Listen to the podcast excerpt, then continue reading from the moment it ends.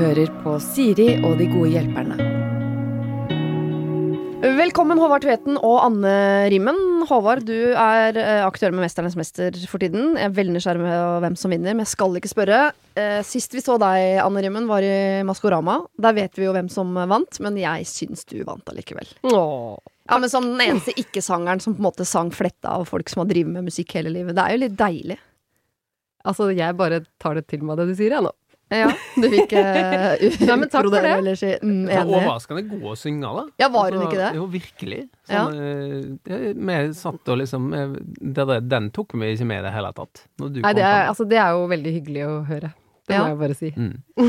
Du imponerer jo, du også i 'Mesternes mester', Håvard, men der er vi på en måte klar over på forhånd at du er en sporty type. Så det Ja er ikke noe sånn 'hva, kan han sitte i hockey?' Det hadde jeg aldri trodd. Ja, men han kunne jo ikke Han sitte i kunne hockey. sitte sånn. Han kunne jo ikke sitte i hockey, men det er jo det som er fint. Jeg kan imponere på noen ting, og så ser man at eh, man ikke er så god på andre ting. Og da finner man veldig fort ut av et sånt program, da. Ja, Men var du dårligst i hockey? Det var- Absolutt. Var du det? Ja, så det utrolig dårlig av meg å ta det jo, som Så du eksempel. det ikke? Altså, jeg gikk ut som at jeg så ut som jeg var skutt i begge beina. Altså, men det, det er Var du jo først ut? Først ut. Eh, men det er jo fordi altså, Til mitt forsvar da, så er, var de andre i Usla gode. Det var de. Ja. Absolutt.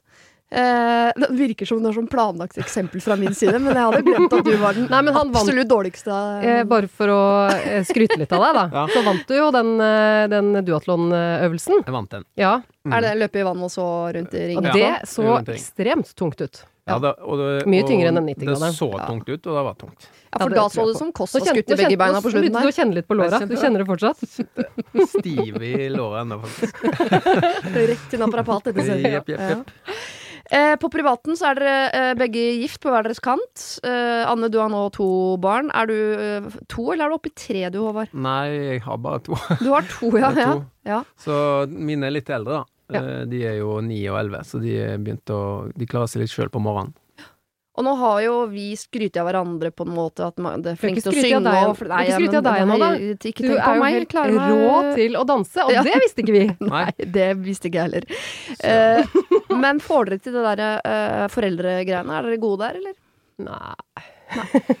altså, får det til og får det til. Eh, mm, altså, siden du spør akkurat i dag, så føler jeg jo at jeg kan eh, si at det, det sli mest slitsomme hos oss er jo mangel på søvn. Ja. Fordi at eh, vi har jo ikke noen som klarer seg så veldig sjøl. Eller han ene på fire klarer seg litt sjøl, men hun på ni måneder klarer seg absolutt ikke sjøl. Nei. Nei. Så det blir det litt lite soving, da. Ja, det gjør det i hvert fall nå for tida. Det er, det er noen tenner på gang og noe greier, så Men deler dere på det, eller er det du fordi du er mor, så må du opp hver eneste Det er på en måte du som er på vakt nå? Um, altså, for å si det sånn, nattevakta med henne er det jeg som tar. Ja. Ja. Ja. Hver dag, hver natt. Absolutt. Ja. Mm. Det er det. Du ser jo blid ut, da. Ja, det er bare en sånn fasade. Overraskende Det til er å også ta en maske. nattevakt, altså. Ja. Men du da, Håvard, er det- du er jo over de, i hvert fall de første kneikene man skal oh, ja. over som far. Ja, ja, absolutt. Men eh, altså, det er jo sånn som i foreldrerollen, så tar man jo bare Man får jo bare nye utfordringer, da. Ja. Eh, altså, de blir jo de blir mer komplekse, disse problemstillingene man står i da, plutselig. Så da er det liksom eh, eh, Ja, så kan jeg, Da er det plutselig denne, dette iPad og iPhone og alle sånne telefoner Det er det som lager mest herk hjemme hos oss. Ja. For så de blir det ser ut som du tar fra de i, i, crackpipa, liksom, hvis du tar fra den derre uh, eh, iPaden. Ja, ja. Så og spol noen år fram i tid, så er det det som er Ja. problemstillingen. På ekte, kan du si. Ja. Ja, få se på det. Men, eh, men eh, altså foreldrerollen, vi er jo veldig gode til å dele på ting, da, og så er vi veldig involvert i barna. Merker jo at barna er det er det vi holder på med.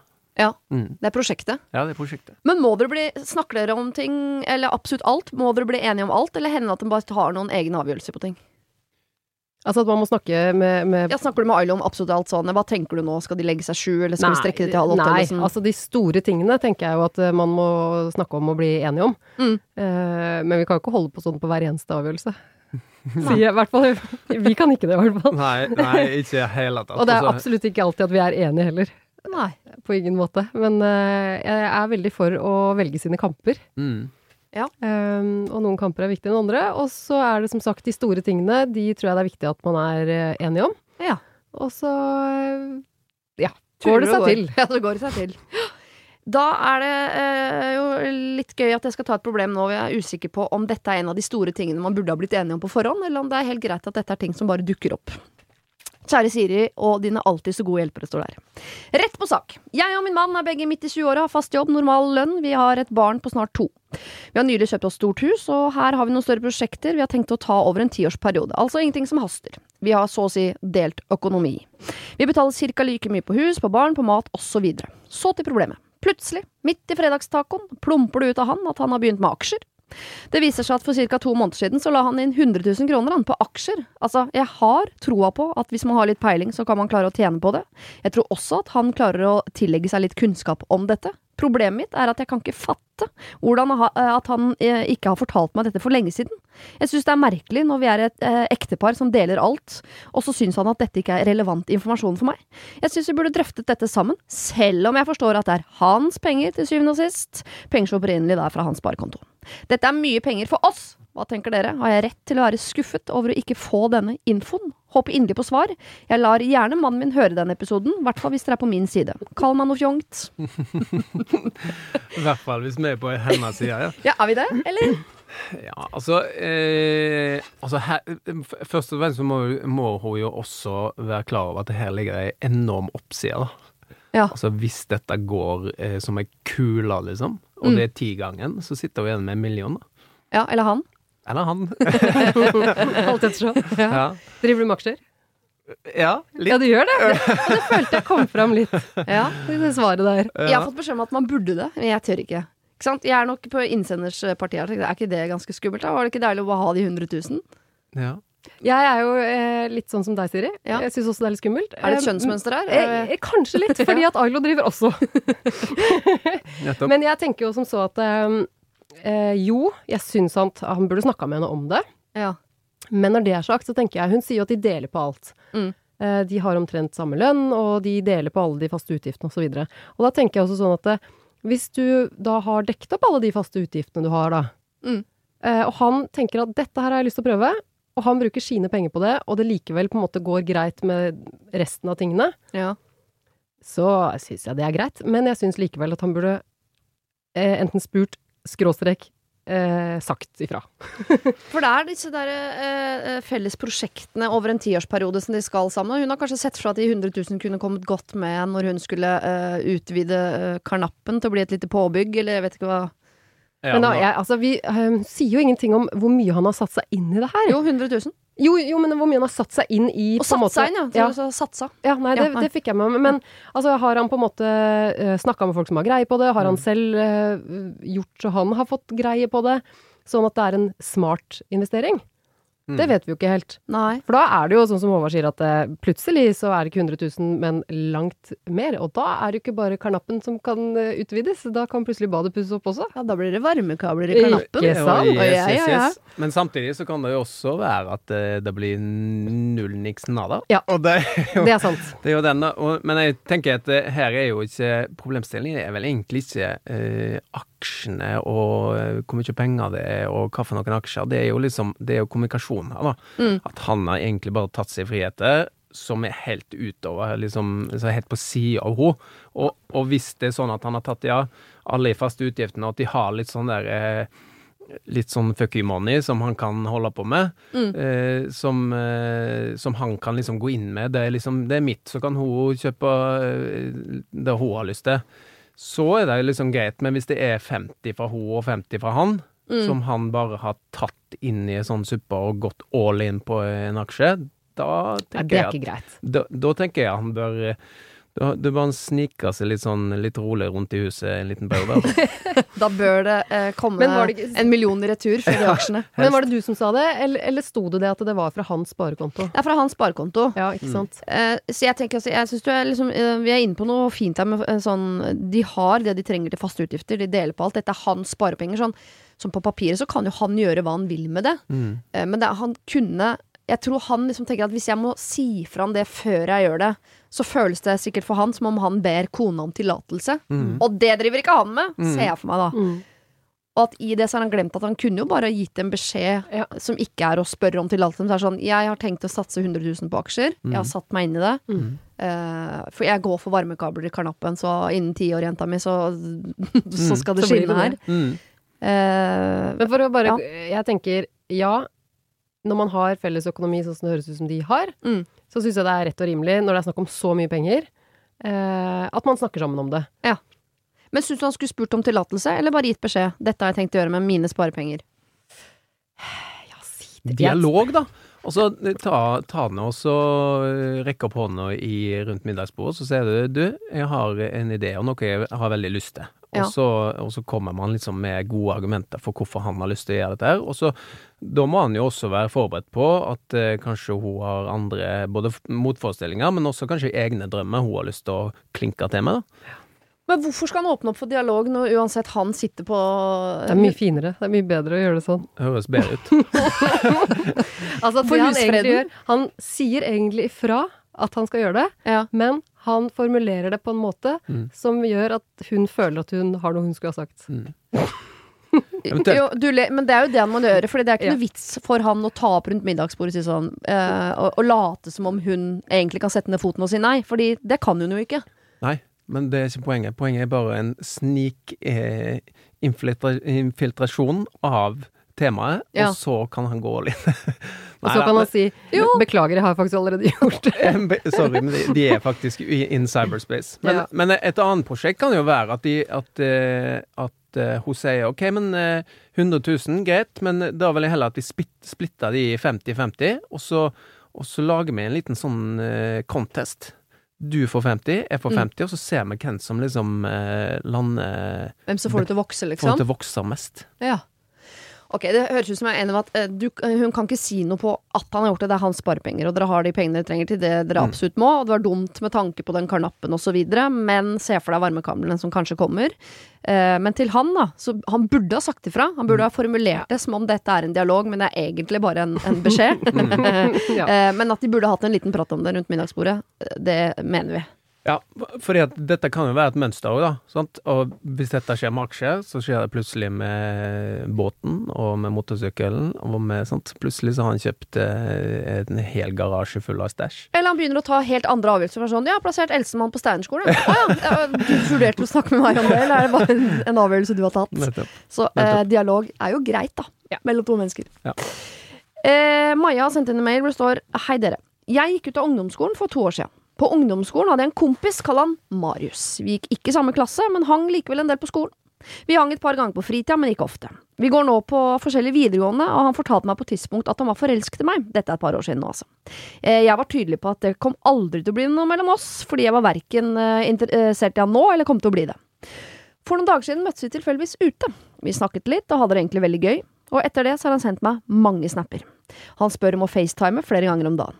Jeg har eh, sagt at jeg ikke kan snakke med han, men han fortsetter å spørre. Han har også spurt flere ganger om å møtes, noe jeg ikke vil. Han sendte også en snap der det sto 'kanskje jeg kan komme til deg en dag'. Jeg har en følelse uh, av at han fortsatt er forelsket i meg. Hvordan kan jeg avvise han uten at han blir lei seg? Jeg vil helst ikke ha noe kontakt med han i det hele tatt, jeg, da han på mange måter er litt merkelig. Hjelp, kall meg Maja. Altså, hun tror kanskje han fortsatt er litt forelsket i henne. Hva tenker dere om det?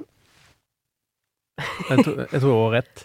Ja, ja det, det høres jo litt sånn ut. Han høres jo ganske interessert ut.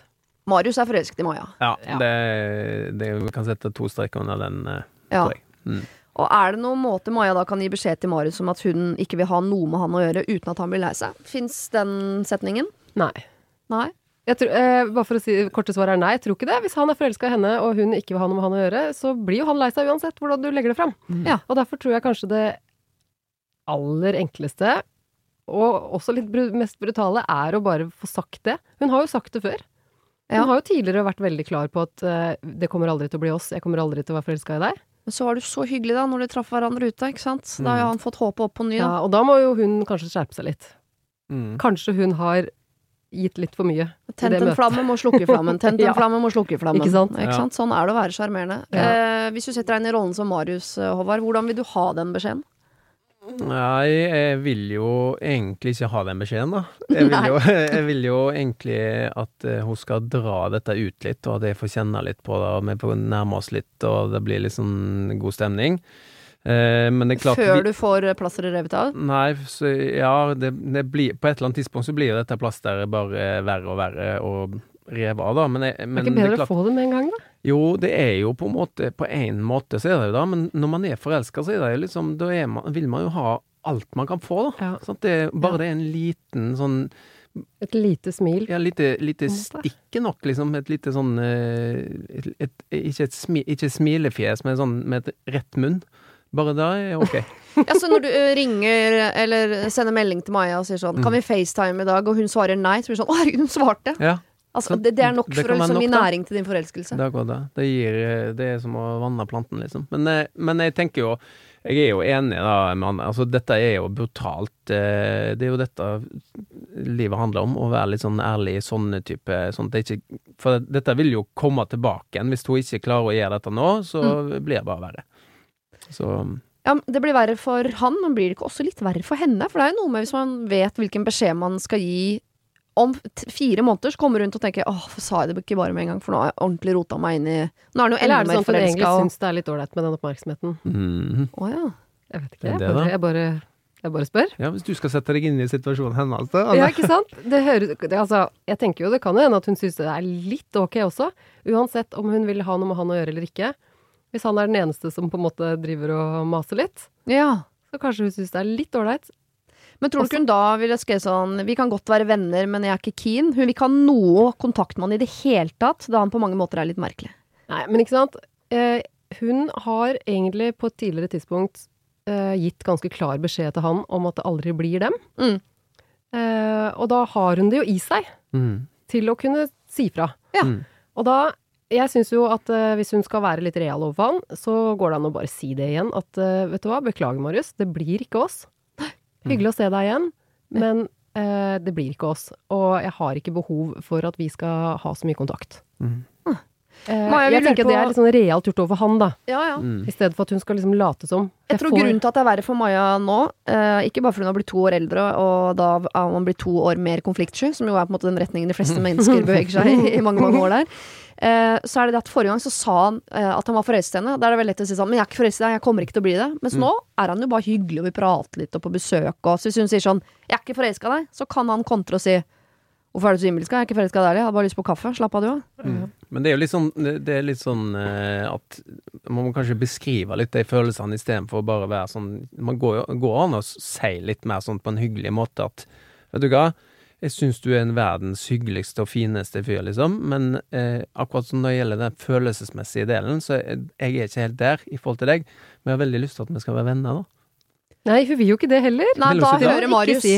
Hun hun syns jeg er en fantastisk fyr, og hun er ikke helt der. Hun er på vei. Jeg fortsetter å mase. Hun må, Dette altså, hun må ikke si at vi skal være venner når hun Og ikke det vil det. Det er jo så fint, da, å få litt sånn Få den harde der, og så får du en liten sånn stryk på ryggen etterpå. Ja, det, er, det gir jo bare håp, da, vet du. Ja. Ja, nei, jeg syns ikke hun skal si eh, Jeg er ikke enig i den setningen der. Jeg har gått på den fella før. Ja, Altså. nettopp! Har du. du gitt den, eller fått fått jeg, den? jeg har fått masse gode venner etterpå. Nei, nei, nei, nei. nei. Så Altså, mye gode han- venner. Han vil mer enn vennskap, Ja. og da kan ikke det kommer ikke til å funke. Nei. Og hun vil jo ikke være det heller, virker det som. Hun jo syns han bare er merkelig. ja. Ja. Maja, vi savner Maja på ungdomsskolen. Hun som bare ga tydelig beskjed om hva hun ville, Ja. så fikk hun det sånn. Hun må du riste livet i på nytt, for det må, du må ta en ny runde med det. Jo lenger du venter, jo verre blir det for han, jo verre blir det for deg. Mm. Hvis ikke du har veldig lyst på en god venn, da, sånn som Ja. Håvard. Som Likte du det? Da kan du jo sende melding til Håvard Tveten. Jeg vil gjerne være venn. Jeg vil gjerne være vennen din. Hei, eh, her står det. Kjære Siri og dine gode hjelpere. Jeg er gravid! Grattis. Siden, gratulerer. Siden vi fikk vite første gang at vi var eh, gra, eh, Siden vi fikk vite for første gang at vi var gravide, har ikke akkurat entusiasmen fra min søster vært stor. Når vi fortalte at jeg var gravid, trakk hun seg unna. Jeg har vært mye sint og lei meg gjennom graviditeten eh, pga. min søsters eh, fravær, og har til tider sendt mye snaps angående graviditeten bare for å få en reaksjon fra henne. For jeg skjønte fort at noe ikke var som det skulle.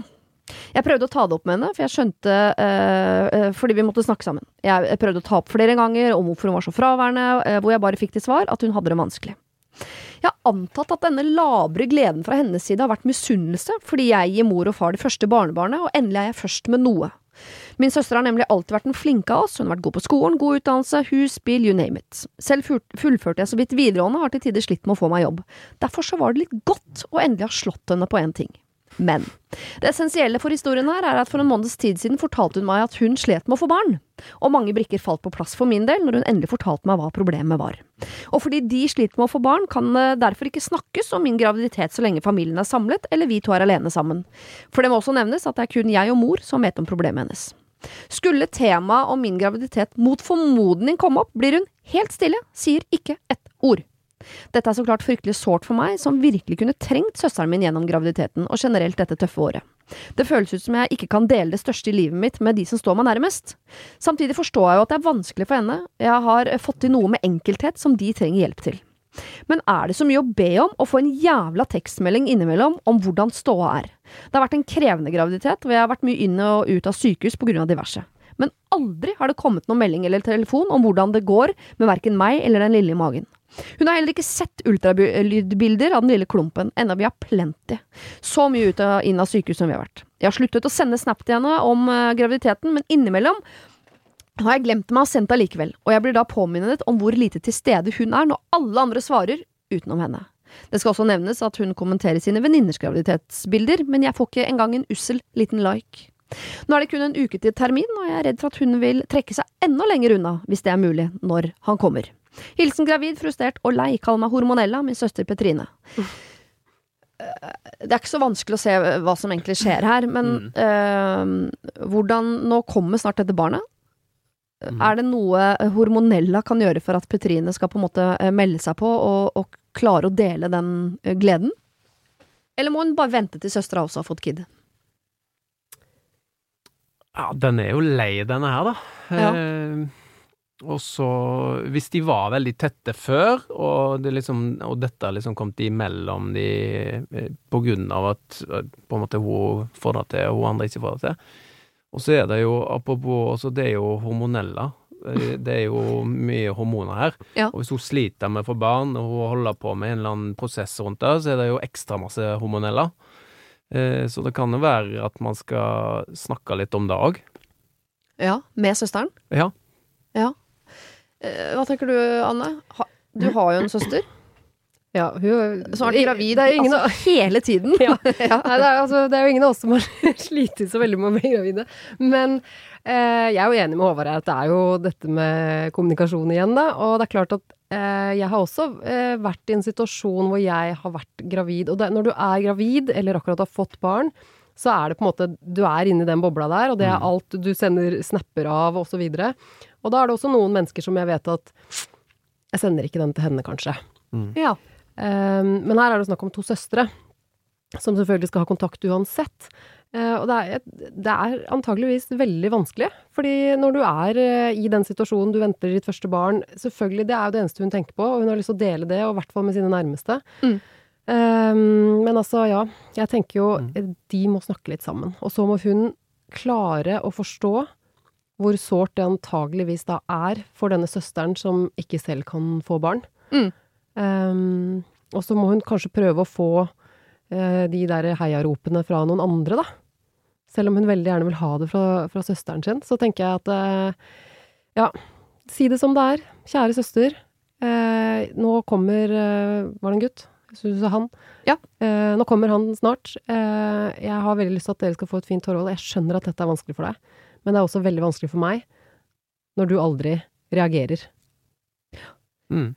Ja, jeg er liksom litt opptatt av å redde det forholdet, sånn at ikke fordi jeg tror hvis Hormonella fortsetter å på en måte plage Petrine med dette her, sånn at Petrine trekker seg enda mer unna, ja. så får hun ikke heller noe forhold til dette barnet når det kommer. Nei.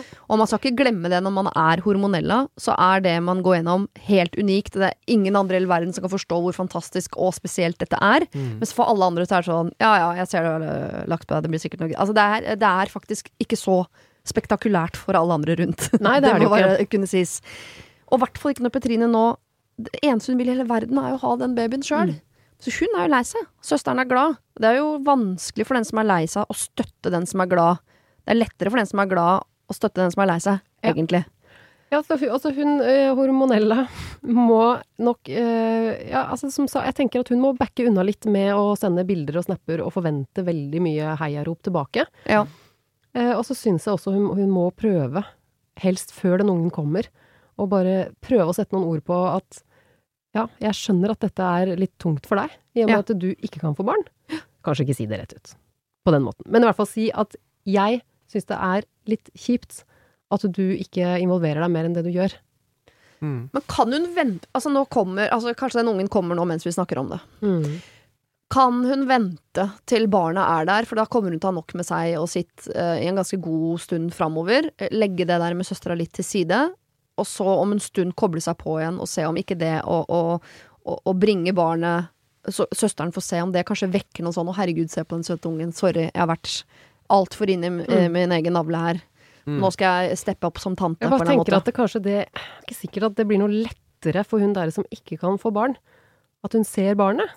Altså, jeg mener ikke at hun ikke skal se barnet, men det er ikke sikkert at den situasjonen blir noe lettere for henne at søsteren nå går da fra å være gravid til å faktisk bli mor. Apropos Nei, mor, kan... kanskje hun skal snakke med moren sin om det?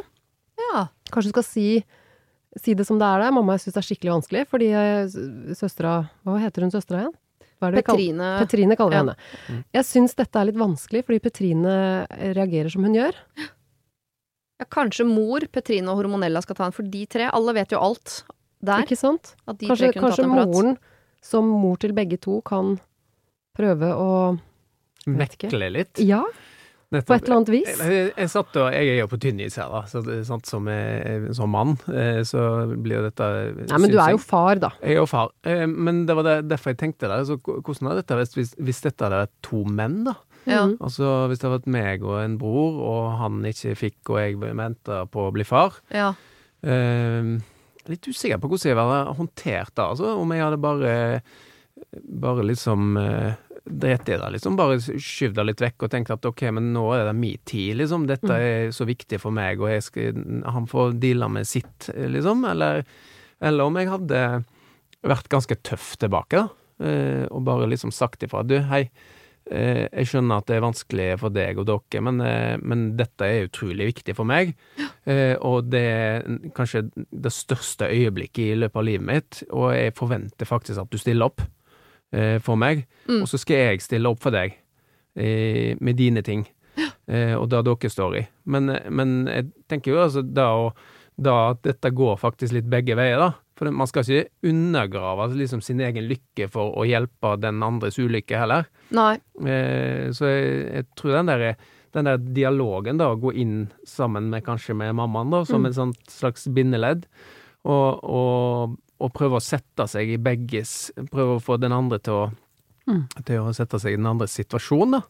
For det, det er jo en eh, Det er jo store ting, da, på begge, på begge store forventninger og mye følelser. Ja, så er det det at de er søstre, ikke sant. Så at det, Ja. hadde det vært bare en venninne, så hadde det gått Ja. an å si ok, dette er kjipt, men eh, da er ikke du venninna mi på en stund i hvert fall. Da får Nettopp. vi bare skyve henne litt unna. mm, Men når det er eh, søstera, så er det jo noe med at de skal jo tross alt være søstre for alltid. Mm. Og helst ha et fint forhold, da. mm. Ja. Jeg tror det, eh, Hormonella, at eh, det er fint hvis du har overskudd, klarer å sette deg inn i at dette her er sårt for Petrine. Og så håper vi at Petrine på et eller annet tidspunkt klarer å skjønne at åh, selvfølgelig skal jeg klare å glede meg på hennes vegne, selv om hun nå har fått inn noe som jeg strever med. Mm. Og i det der, kanskje det er mor som er eh, den som får til den dialogen, eller kanskje det bare er tida som må til hjelp. Eller så kanskje du må vente helt til Petrine også har fått barn. Vet ikke. Men at du må sette deg inn i at dette er litt sånn sårt for Petrine, samtidig som du gleder deg på den egen, For du skal ikke skamme deg over at du gleder deg. Det skal du få lov til. Så du skal ikke legge skjul på det. Men slutt å sende henne snap. Ja, enig. Ja, det blir litt for mye for Petrine, Ja. syns jeg. Det er det. Eh, vi skal til eh, eh, Her, vet du. Ja! Her står det en som eh, roper ut 'Hei, jeg trenger hjelp'. Jeg har en eks som bor deilige tre minutter unna min leilighet. Han har hund og er derfor ekstra lett å møte på gata eller i parken utenfor. Kjærlighetssorgen var brutal, det gjorde vondt, lenge. Lenge ønsker jeg jeg likevel å se han, så vi kunne slå an en prat, og etter hvert så ble det helt greit, det også. Eh, hvis ikke dere har skjønt det, jeg ble dumpa. Nå har han ny dame, og når jeg ser de sammen, eh, så går jeg rett tilbake i kjærlighetssorgkjelleren, og jeg henger der gjerne et par timer, og noen ganger ut dagen, det er helt jævlig. Så hva gjør jeg? Jeg har selv innsett at han er ikke mannen for meg, eh, men det er dette med en avvisning, da. Han valgte å ikke være sammen med meg, og jeg klarer ikke å komme over han. Han har ny dame, uh, som har hengt der i hvert fall et år, så hva pokker skal jeg gjøre da? Jeg kjøpte min leilighet for et år siden, så det er ikke noe tema å flytte heller. Jeg vil aldri se han eller de igjen, og jeg håper de flytter langt pokkervoll, men jeg tviler på at han kommer til å flytte noe sted, og jeg lurer faktisk på om hun har flyttet inn til han. Har dere noen triks eller råd for å slette eksen fra minnepinnen? Dette er nå ett og et halvt år siden det ble slutt mellom oss, og jeg har data litt sånn innimellom, men jeg er fortsatt singel. Ville nok hjulpet å få ny kjæreste, men jeg har ikke truffet noen bra match ennå.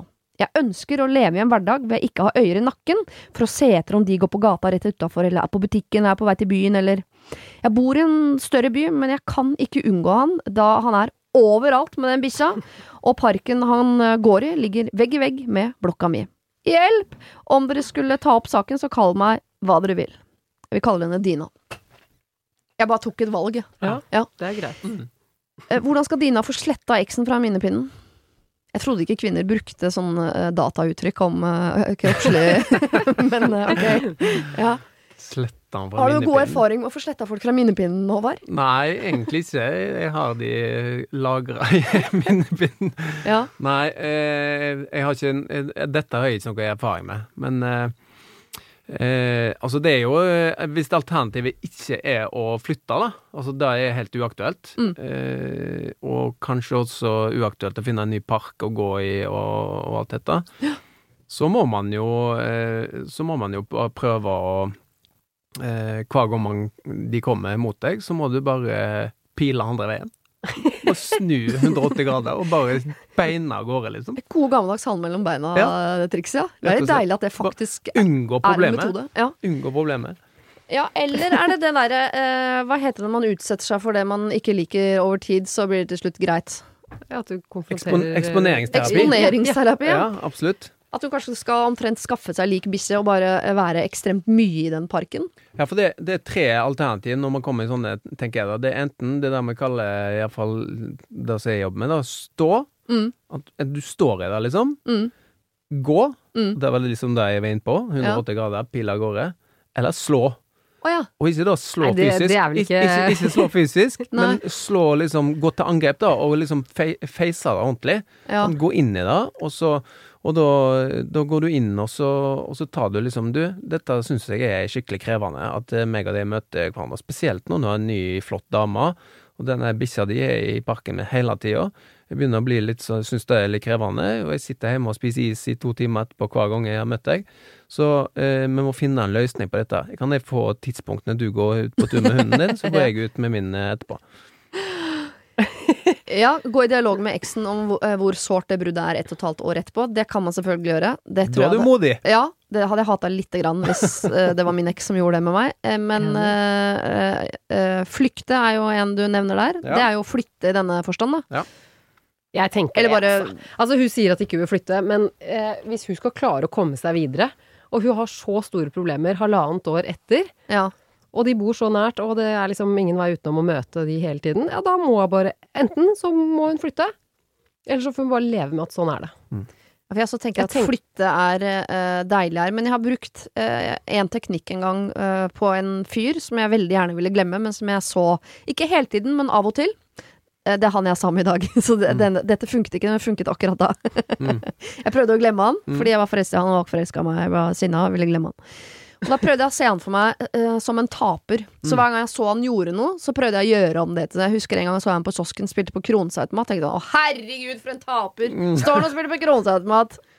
Og så uh, baksnakket jeg han masse inn i hodet mitt. Og det, da var det et år der hvor jeg syntes han ikke var så tiltrekkende som alle de andre hundre årene hvor jeg Ja. ikke klarte å tenke på noe annet.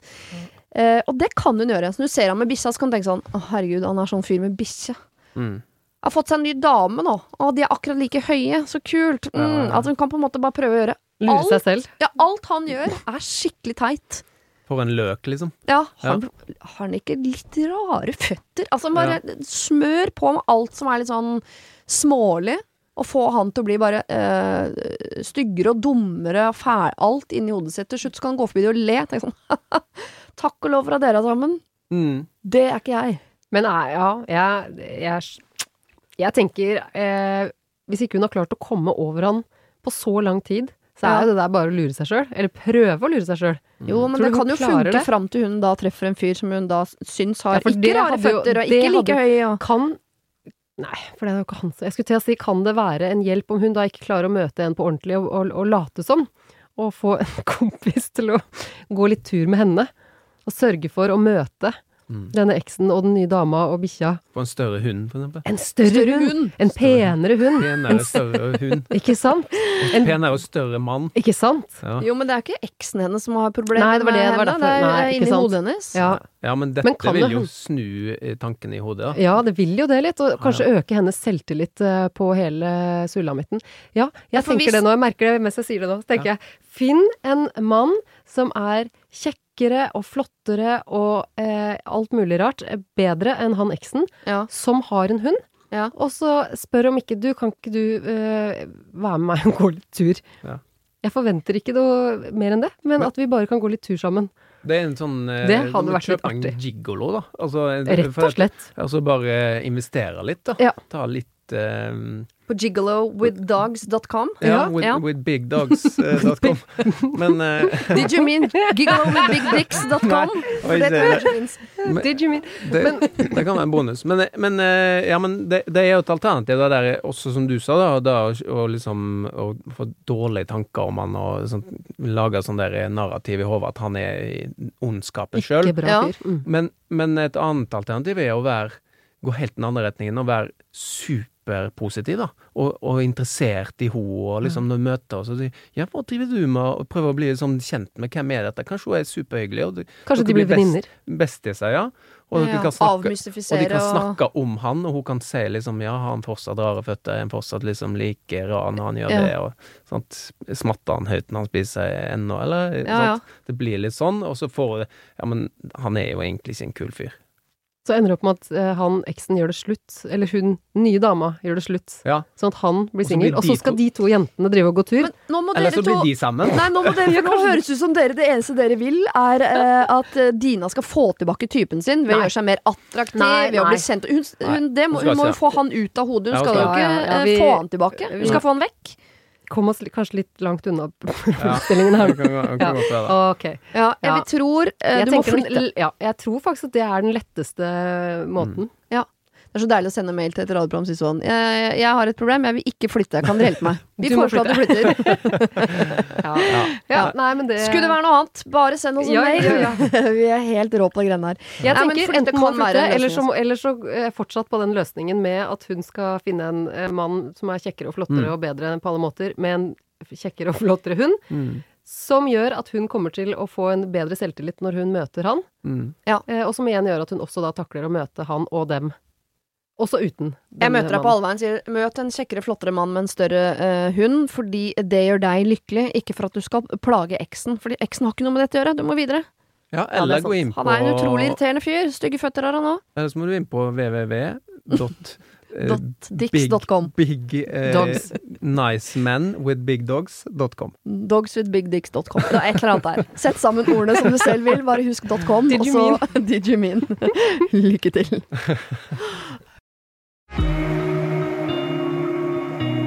Har du problemer selv, send dem inn til siri at radionorge.no. Forrige uke så prøvde vi å hjelpe en dame som var eh, bekymret for barna til sin aller beste venninne. Hun eh, har ikke barn selv, men det kan jo ikke være riktig, følte hun, at man skal behandle barna på denne måten. Hun hadde ikke sett noe selv, men venninnen fortalte stadig om ting hun sa til barna sine, eller hvordan hun straffet dem.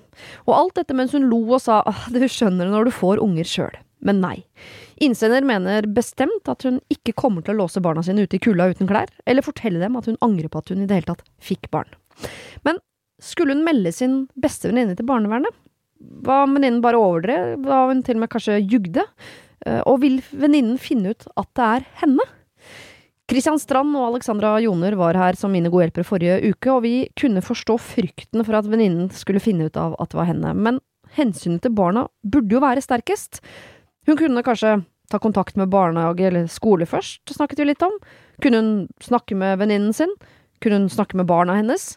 Vi synes dette var kanskje noe av det vanskeligste vi har vært eh, borti, eh, og selv om det er lett å bare si selvfølgelig skal du melde henne, det er din plikt, men er det så enkelt?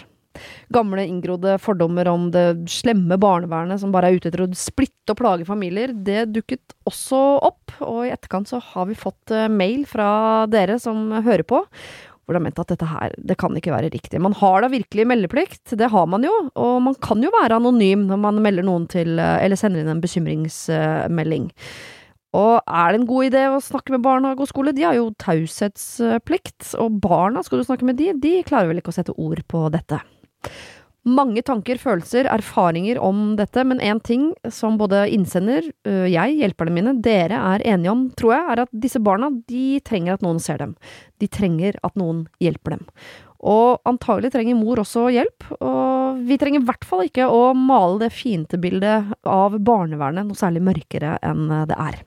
Så eh, jeg har gjort noe jeg sjelden gjør, fordi vi vanligvis her prøver å hjelpe til som en venn og ikke som en ekspert. Men jeg tenkte at her trenger vi kanskje en ekspert, og ringte derfor til Anders Henriksen. Han er eh, divisjonsdirektør i Barne-, ungdoms- og familiedirektoratet, forvaltningsdivisjonen.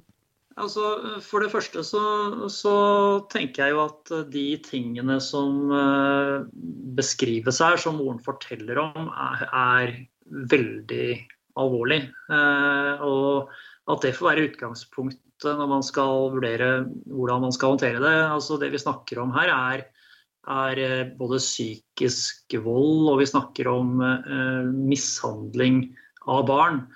Så det, det, ligger jo liksom som et grunnlag. Og, og, og det vi vet uh, om eh, barn som opplever den type alvorlig omsorgssvikt, er at det får kjempestore konsekvenser eh, for disse barna på sikt. Eh, og så er det også sånn at eh, De opplysningene som kommer fram her, de ligger nok i hvert fall i grenselandet for hva man har en plikt til å melde om, eh, også som privatperson. Vi har regler i Eh, straffeloven eh, paragraf 196, som, som, gir alle en plikt til å avverge det som er alvorlig straffbare forhold. Og da er type mishandling og den type ting i, i nære relasjoner i hjemmet er på en måte en av de tingene som er på listen der. Så vi har faktisk et regelverk i, i Norge som, som, gjør at man kan uh, straffes med inntil ett års fengsel hvis ikke man tar nødvendige grep for å, for å uh, hindre at barn opplever alvorlig uh, vold og den type ting i, i hjemmet. Så tenker jo jeg at det naturlige, naturlige å gjøre her ville være å kontakte barnevernstjenesten. Og når jeg tenker det, så, baserer jeg det på at tingene, altså de, de, beskrivelsene er så alvorlige. Eh, og eh, det er jo ikke sånn at eh, en kontakt til barnevernstjenesten her innebærer at disse barna ikke vil kunne bo hjemme. De aller fleste barn som får hjelp fra barnevernstjenesten, de får det hjemme. Altså det er over 20 000 barn og unge i Norge som får type frivillige hjelpetiltak. Og det er jo ting som kan tyde på kanskje at denne moren trenger ganske mye hjelp både for å Eh, skjønne barnas situasjon og kanskje for å endre egen, eh, egen atferd. Så det ville vært mitt, eh, mitt råd, å ta kontakt med barnevernstjenesten og si fra om dette. Og så får man ta, den, ta de konsekvensene, tenker jeg. Det, er, det, handler om å være en voksenperson som, som da setter Eh, barns situasjon og har et hovedfokus på at disse barna ikke skal oppleve den type ting som, eh, som denne moren da forteller om. Så det er ikke noe, er ikke noe grunn til å, å, sette tvil eh, rundt om at disse barna har det, uh, har det vanskelig, når du har en omsorgsperson som, som, beskriver dette på den måten selv. Men da tenker du på i forhold til det å være anonym også, at det må man på en måte bare stå i, eller kan man være anonym, eller kan man ikke det? Så man kan være anonym. Altså På bufter.no i dag så har du en uh, digital uh, meldingsplattform som privatpersoner kan bruke. Der kan man ikke være anonym. Men man har mulighet til å gjøre dette på gamlemåten og skrive et brev og melde anonymt i den forstand. Men du vil bare være anonym hvis du faktisk er anonym. Ja. Så, den, så du vil kunne bli kjent igjen selv om ikke navnet ditt står noe sted? Det er klart at du vil kunne det. Hvis du sender inn en bekymringsmelding her hvor du beskriver at uh, du har hatt en dialog med moren om dette og blitt fortalt dette, så vil hun fort forstå hvem du er. Men det tenker jeg i utgangspunktet at uh, er noe voksne mennesker i Norge må tåle å stå i. Og ha et fokus på, på barn som opplever den type alvorlige ting. Uh, og det kan også være, uh, være fornuftig å, å, å faktisk stå for en sånn bekymringsmelding. Da. Og kanskje i denne situasjonen også uh, fortelle at dette er noe man vil komme til å si fra om. Ja. Og siste forslag her som inn, som ble snakket om også, var jo å snakke med barna. Det, har det noe for seg i det hele tatt? Jeg vil jo tenke at det, det, vil kunne ha noe for seg hvis dette er barn som uh, denne,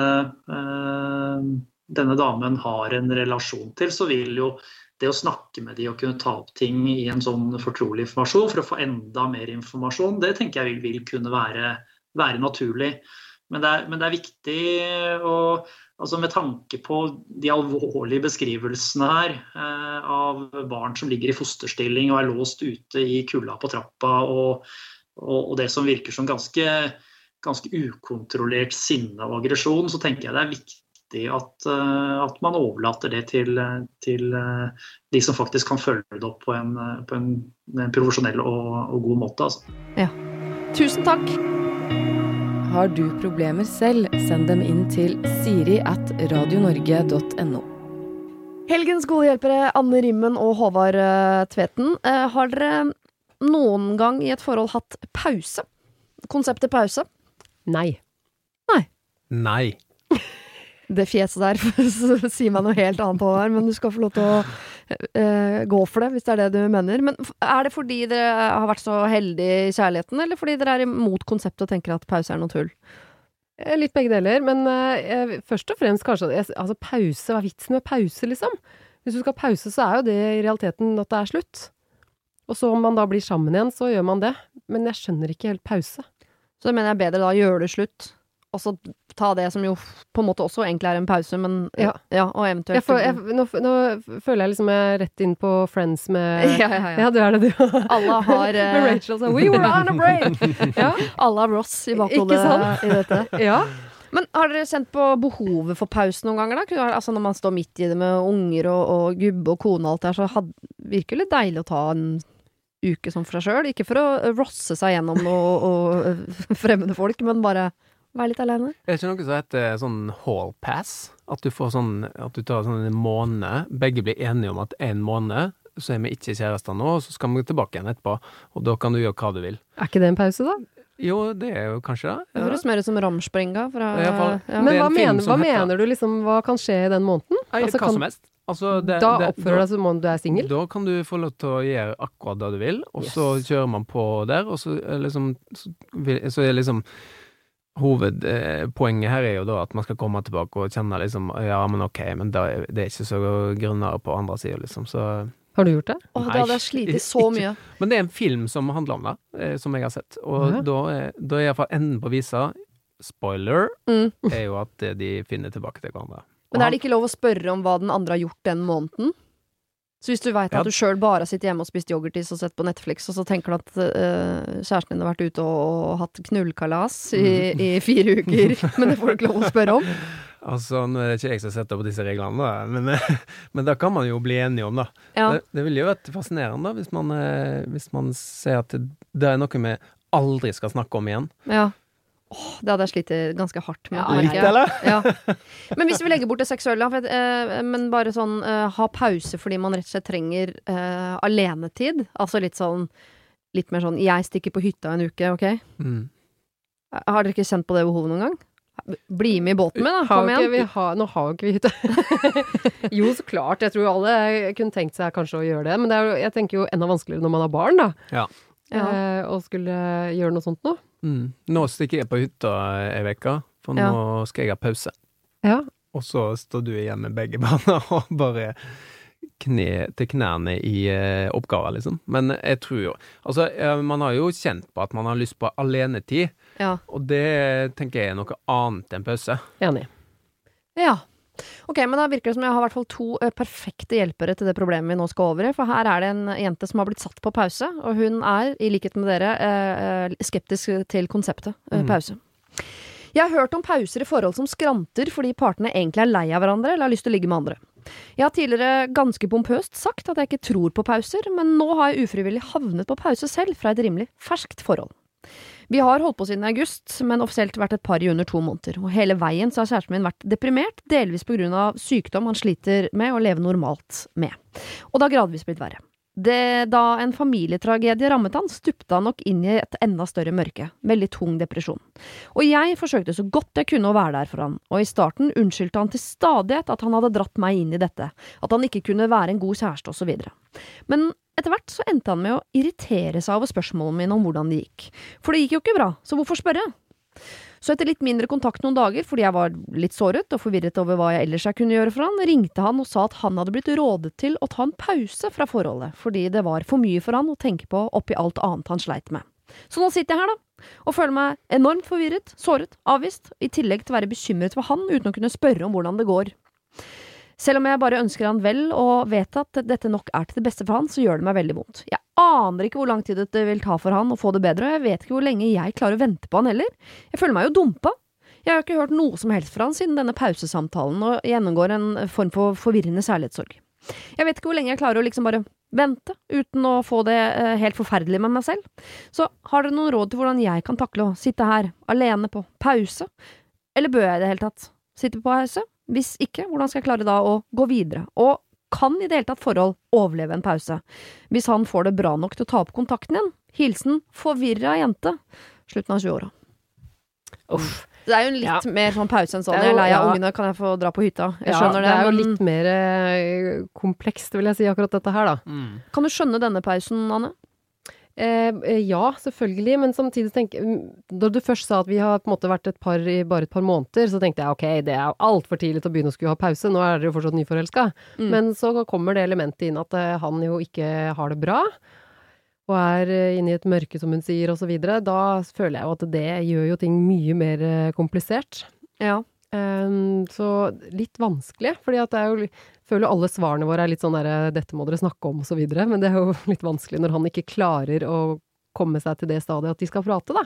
99% av problemer i verden, bortsett fra det som dreier seg om uh, eh, sånn praktiske ting som tujahekken er for høy osv., så, videre, eh, så er det jo dialog som er løsningen. Så det, det må være lov å, å foreslå Ja. hele, hele tiden. Men det er vanskelig hvis han på en måte er på et stadie i livet hvor han tydeligvis har det veldig tøft, da. Mm. Eh, og ikke klarer å håndtere å være i et forhold. Og det er jo sikkert da enda vanskeligere for han når det er et såpass nytt forhold. Mm. Fordi hadde dette vært et forhold som hadde vært i mange år, så hadde de på en måte kanskje visst litt mer hvor de hadde hverandre, og eh, hun også hadde hatt jeg vet ikke, litt lettere for å gi han den spacen som han uh, tydeligvis trenger nå. Og sikkert lettere for han å lene seg på en han kjenner bedre enn bare en han har Ikke vært sammen med i to måneder. Jeg skjønner Men- han veldig godt, og den som har gitt han råd om at hvis du har nok med deg sjæl nå, så er tida for å pleie kjærligheten, den kommer en annen gang. Men eh, historien sier jo ikke noe om, om Altså, får han hjelp, tenker jeg jo litt, da. For at eh, hvis han er i en dyp depresjon i ordets rette forstand, Mm. så trenger han jo hjelp til å komme ut av den, helt uavhengig av eh, hun jenta her, da.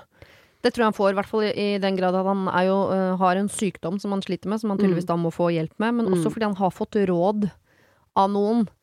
Det bare høres ut som det kommer fra en person med litt sånn kompetanse på sånn 'nå må du fokusere på deg selv', Mm. ikke liksom en av gutta som har sagt sånn 'dum pund dama'. Nei, nei. Så øh, kan du her skjønne liksom behovet for eller alenetiden, Håvard, i større grad enn i stad? Ja, eh, men jeg syns det er veldig klokt da, eh, her. Det er jo eh, Jeg ville jo blitt litt nysgjerrig på hva er dette pause for noe? Ja. Altså hva menes med pause? Hvor masse kontakt skal vi ha i pausen? Mm. Vi, er, det, er det liksom clean cut her, eller er det, skal vi ha en eller annen skal, Vil du ha noe støtte fra meg? Sånn sånn klassisk fine ordet forventningsavklaring ja. på hva pause egentlig er Mm. Mm. tror jeg ville starte med. Og så, kan det jo være at han har lyst på en eller annen form for uh, Kanskje han vil hooke litt en gang i uka, liksom, og kanskje han vil ha en uh, SMS uh, hver fredag, eller sånn, hva det nå enn er. Mm. Men at uh, der har kanskje et eh, en eller annen form for framdriftsplan, da, for ok, men bli, skal vi være et par, selv om du skal ha litt mer alenetid her? Ja. Eller er det, er det egentlig basically slutt fordi du må konsentrere deg om noe annet? Ja, jeg tror forventningsavklaring kan være greit. At hun spør, og jeg skjønner at han sikkert trenger eh, ro, og ikke for mye sånn at hun i tillegg kommer med sine problemer. Så kan han kanskje reagere med sånn Vet du hva, jeg har ikke plass til dine greier nå. Mm. Eh, gå bort. Men få han med på en sånn uh, Kan du definere den pausen? Mm. Skal jeg vente på deg, eller står jeg fritt til å gjøre hva som helst? Skal jeg innimellom høre hvordan det går med deg, eller vil du ikke Mm. høre en lyd fra meg? Mm. Eh, sånn at hun Og vet over liksom hvor lang tid går dette her? Ja, og har han ikke svar på noen av de, så, så må han jo bare si Ja, men da velger jeg å gjøre det på denne måten. Mm. Og så får han jo For det kan jo hende at han egentlig har prøvd å gjøre det slutt med henne, men han har bare ikke hatt liksom styrke eller ork til å gjøre det slutt, så han tenkte åh, det er mye lettere å bare si pause. Mm. Og så håpe at det problemet forsvinner av seg sjøl. Ja, det er jo, det er jo eh, enkleste utvei, egentlig. Å kalle det pause, og så er det egentlig slutt. Men det er jo utrolig det er som å pisse i buksa, da. Som er grunnen Ja. til at ikke jeg har så veldig troa på det med pause, da. Nettopp. Utgangspunktet. nettopp. Ja. Men eh, ja, det er jo Det gjør det jo litt vanskelig at han er i den situasjonen han er i, da. Men denne pausen har du litt troa på at kan faktisk bare være at han trenger litt tid Jeg kjenner at liksom romantikeren i meg tenker sånn åh, så ferskt forhold, og det er jo tydelig at det er følelser der, og hvis hun på en måte tenker at dette her er mannen min, Mm. eh, at hun har lyst til å på en måte satse på det likevel og vil være der foran, Mm. eh, så syns jeg absolutt, ja, ta den praten. Mm. I den grad det går, da. Ja. Men i hvert fall på en måte bare, ja, start litt sånn rolig ut og bare si at eh, jeg skjønner at du trenger tid. Ja. Men jeg trenger også å vite hvor jeg har deg hen. ja, jeg har lyst til å vente på deg, fordi du er, Og det kan jo du er at han mannen for meg. Men jeg må, jeg må vite om du vil at jeg skal det. det, da. liksom. Ja. Mm. Jeg kan vente på deg. Vil du at jeg skal vente? Hvor lenge? Mm. Ja, bare jeg, eh, Hvordan skal jeg si det? Bare ikke mas på det. For jeg bare kjenner meg igjen i den andre siden som lærte lært sånn Jeg bare vet meg selv hvis, når jeg er der at jeg trenger tid for meg selv. Hvis noen da maser på til og med Mm. hyggelige ting, Mm. si ifra hvis jeg kan hjelpe deg, eller vil du ta en Mm. kaffe, eller vil du prate, eller sånn, så kan jeg bli sånn da kan jeg bli enda mer sint. Da kan jeg skyve enda lenger bort. For tenker, hvis ikke du nå forstår Mm. at jeg vil være alene, så, så må jeg gjøre det enda tydeligere. Da må jeg bli slemmere, på en måte. Mm. Så jeg bare ser for meg at han, hvis han allerede syns at det der med at hun spør hvordan går det, hvis han oppfatter det som mas, Mm. og ikke omsorg, da skal hun være litt forsiktig med Ja. å fortsette å gi omsorg fordi det oppfattes som mas i andre enden. Ja, det tror jeg er veldig lurt. Og så tror jeg det er bare viktig at man, eh, man da, eh, hvis, hvis man ikke har gjort den forventningsavklaringen da, på hva dette er og ikke, og hvor masse man skal da eventuelt mase eller ikke på, eller være til stede eller ikke, så, så kan det fort havne i en sånn Hvis, hvis han da sier nei, jeg vil ha helt fred, så går det jo an å Ok, men bare et lite kontrollspørsmål, da. Er det sånn da at vi, vi gjør det slutt nå? Ja, ja. Uh, ja eller nei?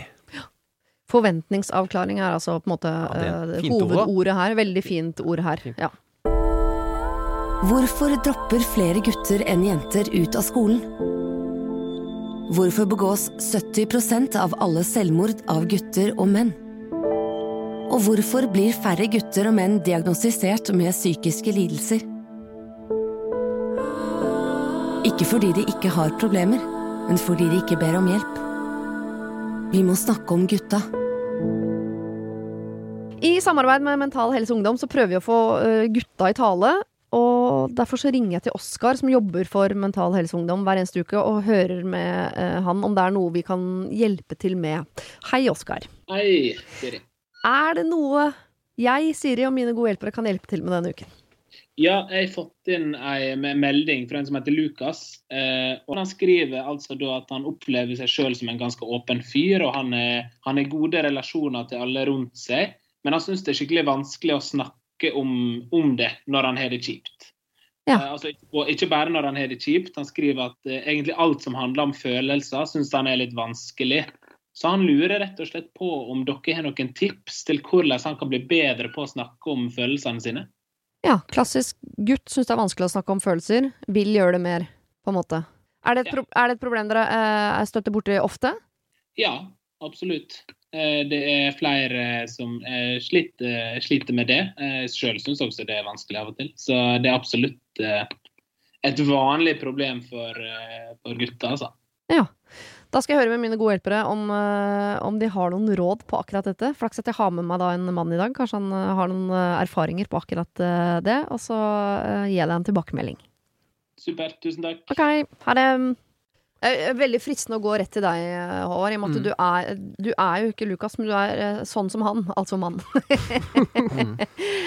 og dere blir jo beskyldt for å, å ikke være like flinke til å snakke som, om følelser som oss. Ja, Men ja da.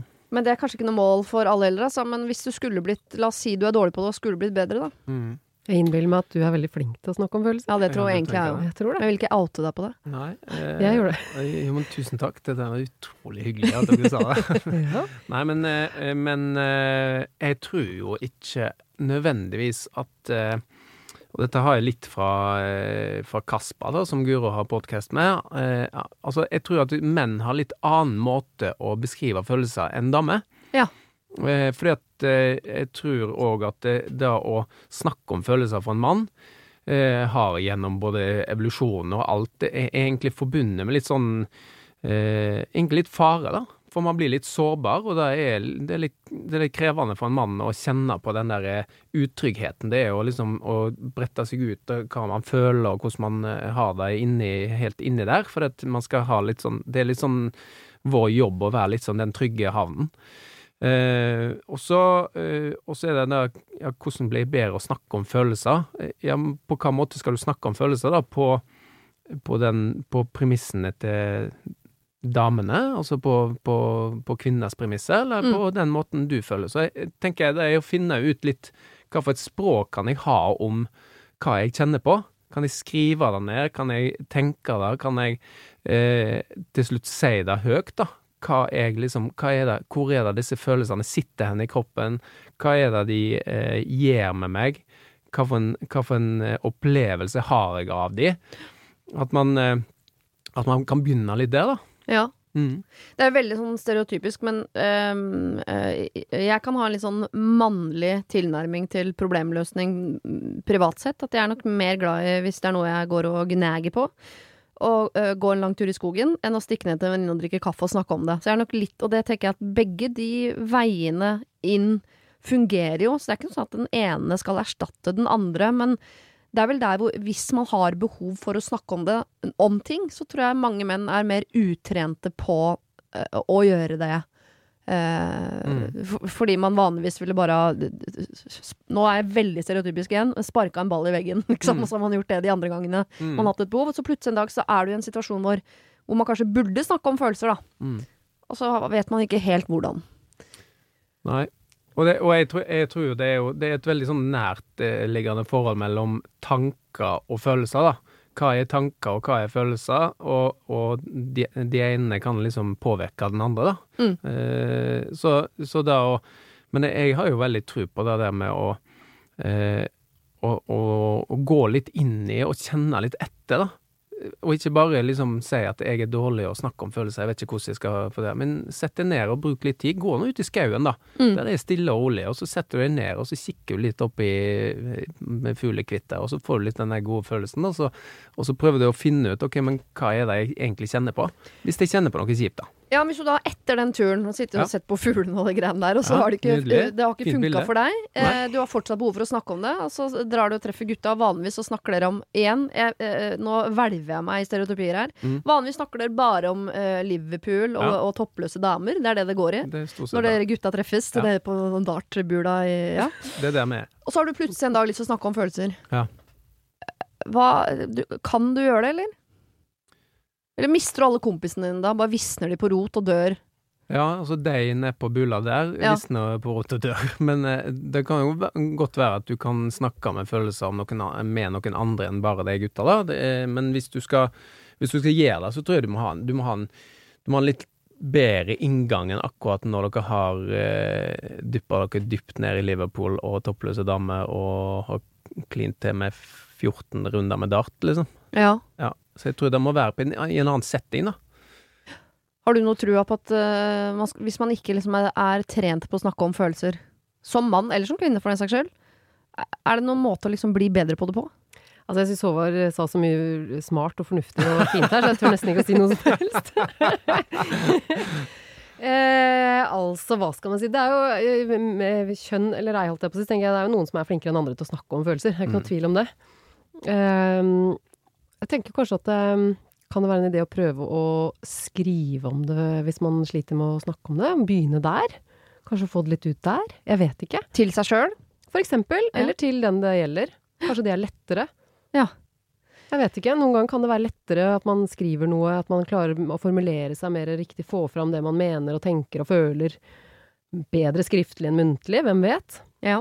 Men ellers så syns jeg bare eh, gjør som Håvard Tveten sier, eh, så går, dette, går det seg til. Var det, gå ut i skogen og høre på fuglene. Ja. det var noe Det var fuglekvitring og noe et eller annet eh, greier her. Jeg tenker i hvert fall at eh, hvis du nå først f har et behov etter all den fuglekvitringa for å likevel snakke om det, eh, men du føler at du blir stoppet av nettopp det at du er eh, gutt, og du, det er ingen av de andre gutta som snakker om det, og så, så tenker jeg at det kan være lurt å Det er sikkert én i gjengen som det er lettere å snakke med om ting enn andre. Mm. Se an timinga litt. Mm. For jeg tror det å få med seg eh, 16 gutter i pausen på Liverpool-kamp, liksom, på å snakke om noe sånn dyptliggende, den er litt tung. Jeg tror ikke det er settinga helt, nei. Nei, så jeg Men jeg tror også må... det som du sier, da, prøv å finne deg kanskje én Ja. som det går an å prate med. Og Hvis, som, hvis du har behov for å snakke om følelser, så er det helt sikkert flere. Men det, er- og det er akkurat det, det er ikke sånn, det er ikke sånn at eh, alle de 16 der ikke har følelser. Det er bare det at de er jo ikke i kontakt med og kanskje vet hva de følelsene går på. de er ikke i kontakt det- med følelsene? Ja, ja, altså de er, men det er det, så det handler litt om å være litt sånn Hvis du skal snakke om følelser med noen, så må du finne noen som du tenker kan skjønne liksom hva du er på vei inn i. Ja. Mm. Og så er det kanskje litt sånn at vi alle har eh, venner som dekker forskjellige behov, da. Mm. Kanskje noen venner er de du egentlig ikke skal drive og snakke så mye med følelser om, og bare se den kampen og bare slappe av, liksom. Og så har du kanskje andre venner som er mer de du ringer til når du virkelig trenger noen å prate med, og som du vet lytter, og som er der for deg, på en måte. Um, ja, men at man har forskjellige venner til litt forskjellige behov, kanskje. Så se an hvem du snakker med, og se an tiden på når du snakker om. Se om kanskje fu- fuglekvitter kan være en sånn eh, som tar av liksom brodden på ting, sånn at det ikke blir så betent og skummelt. Og så er det jo bare som alt annet man skal bli god i, da. Man må jo bare øve. Må det? Vi skal videre til eh, Barbie og Ken. Oi! Akkurat. ja. Kjære dere. Jeg har funnet mannen i mitt liv. Jeg er forlovet. Kall han Ken. Vi har det fantastisk sammen. Kall meg Barbie. Ikke sant? Det er deilig å kunne starte der, men man vet at det kommer noe. Eh, ved å finne seg en deilig og snill mann, så kommer svigerfamilien med på kjøpet. Som jeg elsker. Jeg har et svært godt forhold til min svigermor. Jeg mistet selv min egen mor da jeg var liten, og jeg føler noen ganger at hun fyller denne rollen. Det er tydelig at Ken og familien hans er vant til å være oppå hverandre konstant. Altså det er fjellturer, grilling, brettspillingskvelder, middager, kveldsmat, hytteturer osv. Alt dette gjerne innenfor samme uke. Det er slitsomt til tider, selv om jeg anser meg selv som et sosialt vesen. Og så føler jeg meg slem og utakknemlig for at jeg føler på dette, siden de er så snille og viser at de er glad i meg, og jeg er jo glad i dem også. Det skal nevnes at dette blir jo en drøm når vi får barn. Da kan jo svigers ta med seg barna på ting og stille opp for dem også, og barna får en stor familie. Familien til Ken bor veldig nært, og noen i familien er flinke til å ringe først og si hei, vi kommer innom, andre ikke. Det har flere ganger hendt at når vi har tatt en sving om på soverommet, så kommer mor eller søster eller tante uten forvarsel på døra, enten under, rett etter akten eller når vi er i dusjen. Og noen ganger så ringer det på, andre ganger ikke. Det virker noen ganger som om de selv ikke trenger privatliv, og i hvert fall ikke at de tenker over at vi har behov for det, og at andre folk trenger det. Min Ken uh, har også problemer med å forstå det jeg føler på, for han er vant til uh, at det ringes, at familien, kommer på døra, og forespørsler om å finne på noe kommer hele tiden hver uke. Og jeg kan snakke med han om alt, men dette ler han som oftest bort når jeg tar det opp. Jeg tror han opplever det som masing, fordi han føler jo ikke på dette selv. Når jeg har hatt eh, litt tyngre perioder, så har han varslet om dette til sin mor, slik at familien ikke har kommet på døra hele tiden. Og da forstår de. Men de har blitt litt redde for å gjøre noe galt, og de har blitt litt passive. Jeg vil jo ikke fremstå som psykisk syk bare for å bli forstått og få egentid. Jeg ønsker heller ikke at de skal bli redd for å ta kontakt. Jeg er jo redd for å såre følelsene deres, og at forholdet ikke blir like godt som det er nå. Men er jeg gal som bare trenger litt tid for meg selv, eh, og litt tid sammen med min eh, kjære Ken i mitt eget hjem? Som sagt, jeg elsker familien hans, men planen er jo å bo der han bor, i all fremtid, og jeg trenger grenser som er satt før jeg flytter inn i dette supersosiale området fast. Hjelp! På forhånd stor takk. Hilsen Barbie. Oi. Ja. Ja. Hva tenker vi her? Altså, eh, egentlig jeg, Det er jo bare fint og hyggelig. Hele familien til Ken høres jo fantastisk ut. Og så Mm. kommer Barbien med litt andre behov. Og så vil man jo ikke være partypooper. Det er ikke noe kult å være hun ene som går ut på dansegulvet og sier sånn 'Jeg ser at alle har det gøy'. Vi skal ikke bare sette oss ned og prate litt, da. Mm. Men så er det kanskje nettopp det hun må gjøre uansett, da. Ja. Prate litt. Ja. Jeg tenker jo at eh, Jeg er selv eh, veldig glad i min svigerfamilie, og vi har jo fått eh, Ailos foreldre til å flytte fra Alta eh, til Oslo. Mm. Eh, fordi vi ville ha dem eh, nærmere oss. Eh, og jeg er jo som sagt veldig heldig og veldig glad i dem. Ehm, og det høres ut som hun også er veldig glad i dem og syns at de er helt topp, men at det likevel er litt mye, da. Mm.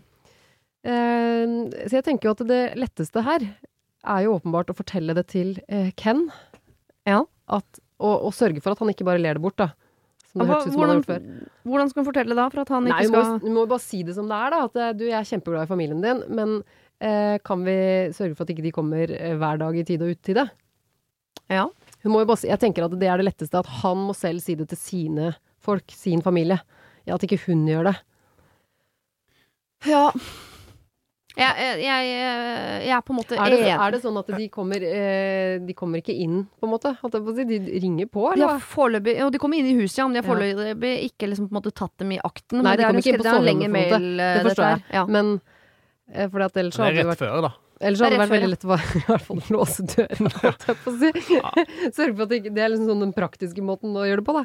Og bare sørge for at ikke Men de kommer folk sånn. må jo skjerpe Men, eh, seg litt, da. Altså, folk, altså, folk må jo kjenne sin besøkelsestid av og til. Altså, ha litt sosiale antenner. Og hvis ikke Ken forstår dette, at det, det renner siden med familie i huset i tid og utide, da, da, må, da må hun ta en alvorsprat. Og da er det ikke sånn Du, eh, Ken, jeg syns det er litt sånn Da er det å sette seg ned. Vet du hva, Ken? Dette går ikke for meg. Nei, men det er jo det jeg Da kan mener. ikke At, jeg bo du er liksom. enig i det at det er jo han som må snakke med sine foreldre og søster og hva det var for noe. Ja, det er, det, den, det er en krevende den samtalen når du, når du som svigerdatter skal ta den med Ja, hele storfamilien. ikke. Jeg er enig i at man foreslår det, eh, men samtidig som man da setter seg inn i, i, i liksom svigerfamilien sine sko, da, hvor dette har alle de gjort i alle generasjoner, og sånn har alle, og alle syns det er hyggelig og topp, Mm. og de går på fjellturer og brettspillkveld og sånn. Så kommer nye dama til yngstemann inn og sier sånn 'Jeg trenger egentid', som for dem er et eh, fremmedord, kanskje til og med et skjellsord. Ja. Uansett hvordan du legger fram det, så blir hun nye dama til yngstemannen i flokken. Mm. Utrolig sær. Kom fra storbyen, hun. Sær for, for, Altså, det er vanskelig. Mm. Det er vanskelig å legge fram uten å, å bli eh, Ikke mislikt, men jeg, jeg tror de vil se på henne som litt rar. Ja. Jeg tror ikke de kommer til å elske Barbie m- mer. Nei. Og det er jo litt av pakka å få her, da. Altså med Ken. Altså skal du være med Ken, så er det Ken eh, pluss eh, 29 familiemedlemmer, liksom. som Ja, altså er Hvis Ken hadde vært litt eh, kul, da, så hadde jo han lagt det fram som om det ikke var hennes problem. Ja Vi trenger, eller jeg trenger. Ikke sant? Ja, jeg, Hvis hun jeg, klarer å få han til å liksom legge det fram på en sånn måte. Fordi det er jo noe med at Ja, den, den svigerfamilien skal hun jo forhåpentligvis ha en stund, da. ja. Men du vet, det, det er ingenting som er mer eh, sånn eh, Touchy. ja, touchy, eller sånn bre eh, potensielt bomba, da, enn å avvise svigermor og svigerfar når de har lyst til å komme bort med boller, liksom. Og da Eh, hjelper det ikke å si 'jeg elsker dere', altså jeg vil bare være litt alene. Det eneste de hører, da er sånn folk, liksom? 'du vil være alene, du liker oss ikke'. Mm. Ja. Det, du, du blir plutselig den, da. Så det er jo Jeg tror nok du er inne på det at det, det, det er Ken som må eie dette her ordentlig. Og han, Ja. må, og han må forstå det. Og så, tror jeg Barbie hun må være tydelig nok Oh, i forhold til hvor viktig dette er for henne. Så Barbie må ikke bare få Ken til å slutte å le når hun tar det opp, han må også på en måte overta problemet og eie det som sitt eget og fremlegge det. Ja. Det er litt sånn, Jeg det, jeg, altså. det er litt sånn Ken, nå, Ja. nå ler du deg bort igjen, men dette Ja. er faktisk viktig for meg. Ellers så kan han ikke bo her. Eh, Så, eller så blir dette vanskelig. Og det, Ja. og det er ikke sånn der eh, Kan vi ta en pause? Nei, da er jeg vekke. Ja. Jeg må, for jeg, eh, hvis jeg hadde kommet eh, med min personlighet som trenger mye egentid, til en planet der egentid ikke fantes, og ingen som trengte det, Mm. så vil jeg jo tro at det er lettere for meg å bli en som ikke trenger egentid, enn for denne planeten å skulle endre hele sitt eh, folkeslag til å bli sånne folk som trenger egentid. Så sånn sett tenker jeg at det er, er Barbie som har endret seg, og ikke sånn, hele familien til Ken. Altså Min egentid denne uka her, det er det, er det vi har nå. Bare for å ha sagt det. ja. Det, dette er grunnen til at folk sitter lenge på do. Altså, Ja, ja. Men jeg, den eneste måten man kan gjøre dette på, som jeg har kommet fram til i mitt hode nå, uh, uten at svigerfamilien syns at du er sær, Mm. er på en måte å gjøre det litt sånn flaut for dem.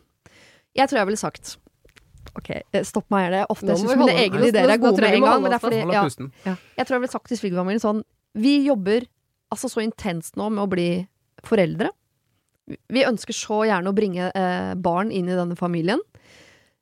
At jeg, dere kan ikke bare komme ut i det, fordi det blir så flaut. Du kommer til å se rett inn i rumpehullet til sønnen din, det vil du ikke. Jeg ville lagt det fram som litt sånn morsom flau, snart. mor og far tenker sånn Å, herregud, kan ikke bare gå ned der. De ligger jo Vi må ikke forstyrre de, de ligger jo og hekker.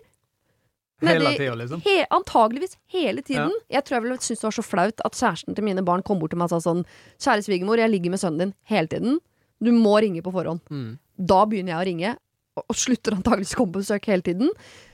Og så, så får du jo uh, masse egentid, og om fire, seks, tolv år så får du jo barn, da, og da sier du selv at det er positivt at slekta er så nært på. Mm.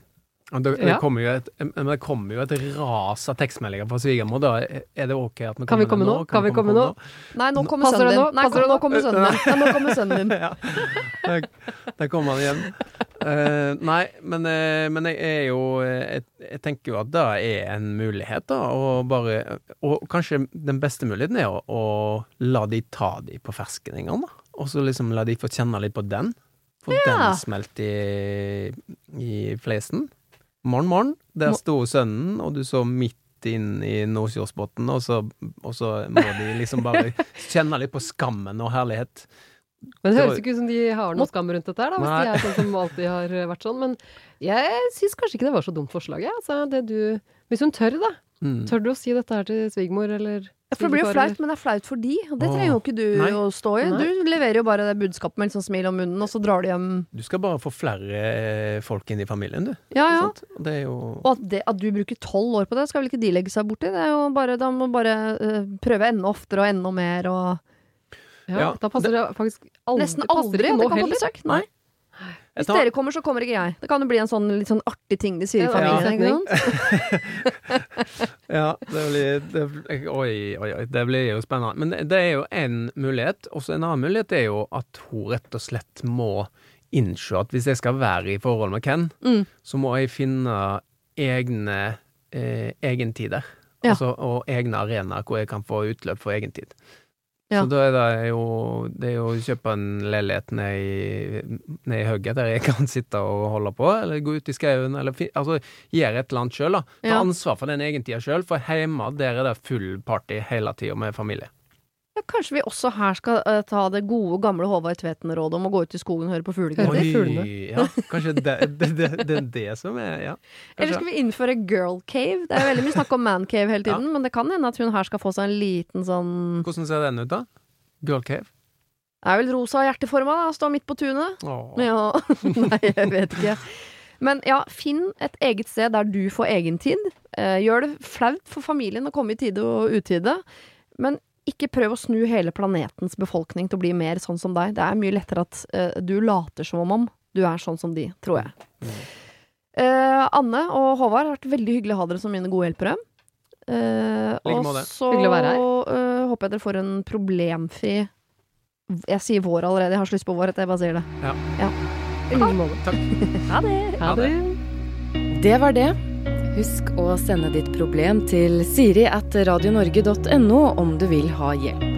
Denne podkasten er produsert av Klynge for Bauer.